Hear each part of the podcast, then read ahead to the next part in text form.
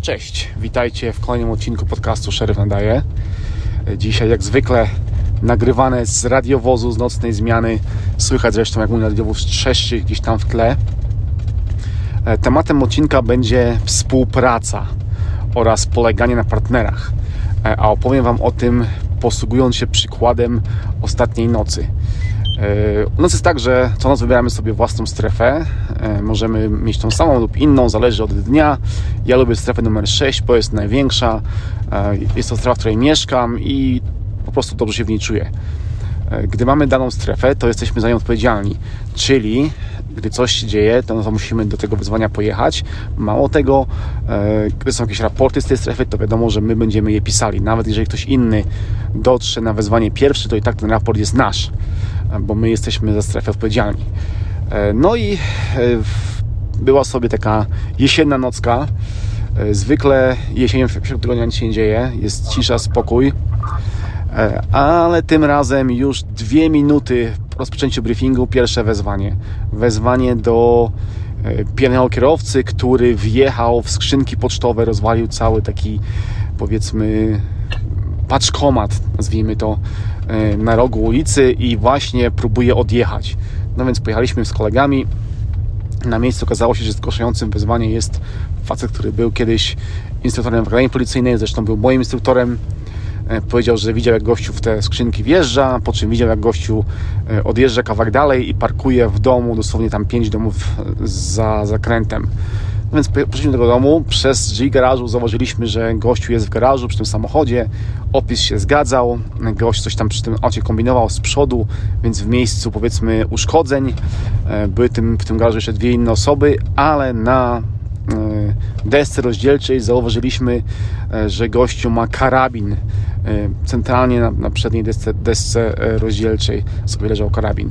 No więc szybko formujemy plan, jak tam się dostać, żeby gościu tego karabinu nie chwycił przypadkiem, e, bo różnie może być, ale w międzyczasie facet otworzył drzwi i zaczął wychodzić sam z siebie, więc no, nawiązaliśmy z nim kontakt.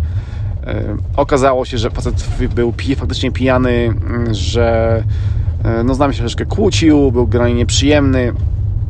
Aresztowałem gościa, bo to w mojej strefie oczywiście gościu odmówił wszelkich badań alkomatem, wszelkich badań e, naszych tych testów FSTs na trzeźwość. E, później w areszcie odmówił też e, podania e, próbki krwi czy próbki oddechu, więc musiałem dzwonić do sędziego e, o nakaz pobrania właśnie próbki krwi. Oczywiście ten nakaz otrzymałem, e, ale cała ta sytuacja trwała około 3 godziny zanim skończyłem tą całą, powiedzmy, tą całą interwencję, ale jeszcze to jest wszystko przed pisaniem raportu, więc jeszcze czekał mnie raport, który e, z takiego zatrzymania pijaka jest dość długi i szczegółowy, tym bardziej, gdy nie mamy e, bankomatem lub nie mamy tych FST, bo ktoś się nie zgodził, więc trzeba dokładnie to wszystko opisać i wyartykułować, dlaczego go aresztowaliśmy. E, no ale zwykle jest tak, że my do raportu siadamy około trzeciej w nocy, bo wtedy na pewno się nic nie będzie działo. Na pewno na, najbardziej prawdopodobne jest to, że nic się nie będzie działo, więc od trzeciej mniej więcej piszemy raporty, a, a do trzeciej jeździmy w patrolu. Więc ja sobie dalej jeździłem w, w tym moim patrolu. Pojechałem od trzeciej do właśnie naszego, yy, na nasz posterunek, pisać raport i nagle kolejne wezwanie u mnie w strefie. Tym razem alarm w sklepie. E, kumpel, który siedział obok mnie mówi, stary, masz jeszcze raport napisania, siedź sobie, tam jest fałszywy alarm, ja pojadę to ogarnę. Dobra, dzięki stary. Pojechał, okazało się, że alarm nie był fałszywy, że faktycznie ktoś się wbił do sklepu. E, na szczęście ukradł bardzo niewiele, bo to, co chciał ukraść, akurat tego nie było, bo przyszedł po fajki chyba, a fajki były zamknięte w sejfie, e, więc gościu no, nie miał za bardzo innego pomysłu i ukradł po prostu zgrzewkę jakiegoś tam, jakiegoś tam napoju typu Coca-Cola. E, pojechałem tam na miejsce, no wiadomo, to moja strefa. Kumpel mówi, stary, wiem, że ty masz ten raport jeszcze z tego pijaka do, do napisania, więc ja to, ja to wezmę na siebie i ja to napiszę. Bo tak się zdarza. Dzięki stary, spoko, nie? Więc ja zawinąłem się, wracam do nasz, na, nasz posterunek i zdążyłem dojechać kolejne wezwanie. Tym razem dzwoni matka, że jej córka właśnie wsiadła do jakiegoś samochodu przed domem i odjechała w znanym kierunku, znaczy w znanym kierunku, bo ona za nią jedzie, ale to auto jej ucieka, W międzyczasie, jak już myśmy na, to wezwanie odpowiedzieli, jechaliśmy w kierunku tego wezwania, pani powiedziała, że to auto wjechało taką boczną drogę górską i ona je zgubiła. No więc my tam pojechaliśmy. Parę mil w górach po drodze szutrowej znaleźliśmy auto z urwanym kołem, bo w międzyczasie goście zaliczyli rów i urwali tylne koło w Hondzie. Okazało się, że w samochodzie łącznie było 7 osób. Oczywiście oni uciekli. Musieliśmy szukać w lesie. Znaleźliśmy wszystkich 7 osób. Trójka e, małolatów, e, czwórka 18-latków. E, no i to już była prawie piąta rano. Znowu w mojej strefie. Ja ciągle napisałem ten raport o pijaku. Tutaj aresztujemy 6 osób. Jedna dostała mandat, 6 poszło do, do aresztu.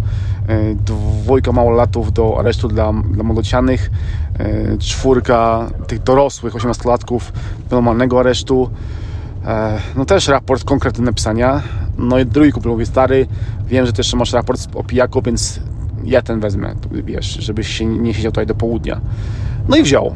I dzięki temu, dzięki temu, że mam fajnych kolegów, że, mam, że mamy współpracę, że możemy się polegać, z moich trzech raportów dla mnie zrobił się tylko jeden, na szczęście. Wszyscy skończyliśmy pracę e, mniej więcej o porze, w której powinniśmy kończyć. Nikt z nas nie siedział ekstra, nie musiał pisać wielu raportów. E, I jak widać, koleżeństwo w tej robocie bardzo się liczy.